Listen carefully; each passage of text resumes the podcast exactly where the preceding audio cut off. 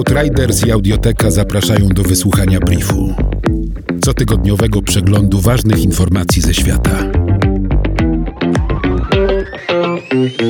Brief. Hiszpania i Wielka Brytania zawarły porozumienie, na mocy którego Gibraltar dołączył do strefy Schengen, a kontrolę nad jego granicami przejął rząd w Madrycie. Obywatele państw Unii Europejskiej, którzy zechcą znaleźć się na terytorium Gibraltaru, nie będą podlegać kontrolom paszportowym. Mają one natomiast obowiązywać Brytyjczyków, którzy, aby dotrzeć na Gibraltar przez jego lotnisko i port morski, będą musieli skorzystać z przejścia granicznego w strefie Schengen. Podczas czteroletniego okresu przejściowego Europejska Agencja Straży Granicznej i Przybrzeżnej, zwana Frontex, będzie patrolować oba punkty graniczne. W wyniku Brexitu między Irlandią Północną a Wielką Brytanią powstała granica celna i regulacyjna.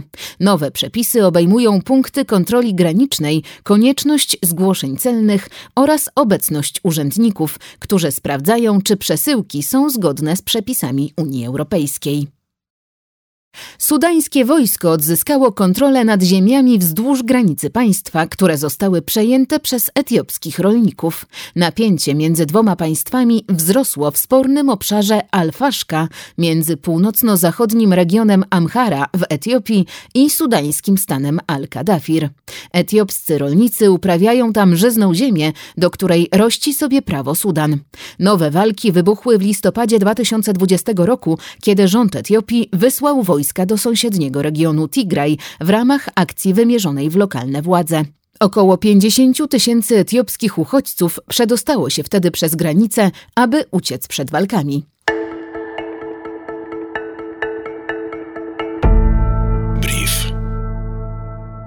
Azerbejdżan rozpoczął eksport gazu ziemnego do Europy za pośrednictwem południowego korytarza gazowego, co pomoże Unii Europejskiej zmniejszyć zależność energetyczną od Rosji.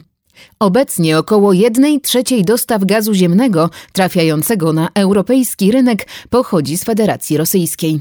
Budowa liczącego ponad 3000 km południowego korytarza gazowego kosztowała 33 miliardy dolarów i zajęła 7 lat. Gaz pompowany ze złoża Shah Deniz na Morzu Kaspijskim płynie do Włoch, Grecji i Bułgarii. Przez najbliższe 25 lat Azerbejdżan będzie wysyłał do Europy 10 miliardów metrów sześciennych gazu rocznie.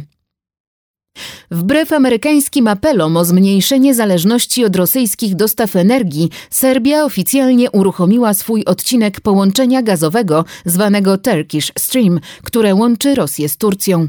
Do tej pory Serbia odbierała rosyjski gaz połączeniami biegnącymi przez Węgry i Ukrainę, a 400-kilometrowy odcinek gazociągu Turkish Stream pozwoli jej otrzymywać dodatkowe dostawy gazu z Rosji.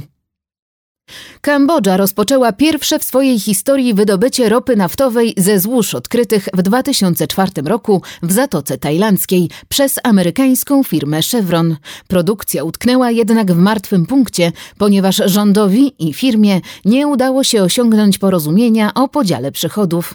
Obecnie ropa jest wydobywana przez singapurską firmę naftowo-gazową Chris Energy na zachód od Prea Sihanouk, przybrzeżnej prowincji Kambodży. Władze państwa szacują przychody z pierwszej fazy projektu na około 500 milionów dolarów, a złoża ropy naftowej na setki milionów baryłek. Brief Outriders. Nowe wydanie co piątek do posłuchania na lekton.audio ukośnik brief. Brief. Powtórki przez cały kolejny tydzień na Spotify i w Twojej aplikacji podcastowej.